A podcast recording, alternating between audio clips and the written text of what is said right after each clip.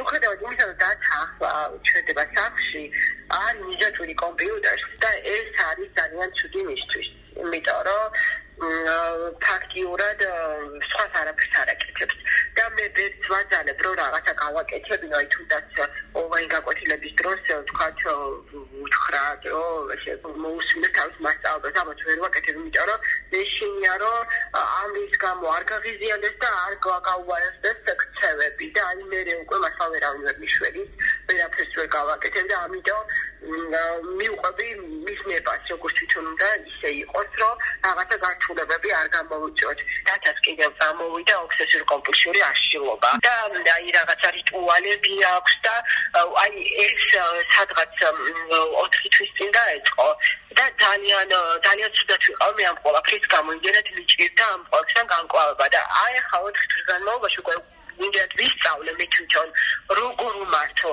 აი დათა როდესაც თქვა ჩიკას ასწორებს ერთი საათი სანამ ისი არ გასწორებს როგორც თვითონ უნდა და ამის გამო ღიზიანდება. უკვე ვიცი რომ უნდა მივიდე მე თავად დახმარება.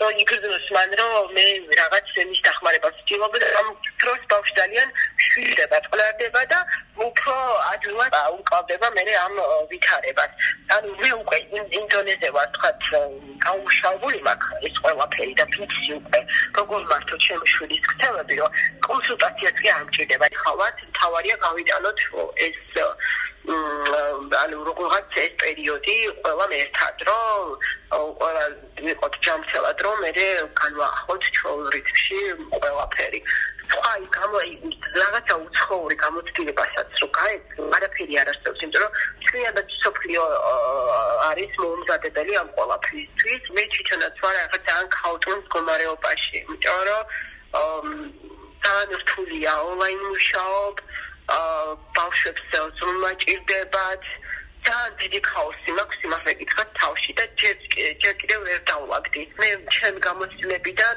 ვურჩევდი რომ ზედმეტად არ გააღიზიანონ ბავშვები რომ უფრო მეტად არ გაუთულდეს მდგომარეობა და ეს პერიოდი უფრო ბავშვის ინტერესებიდან გამომდინარე იმოქმედო.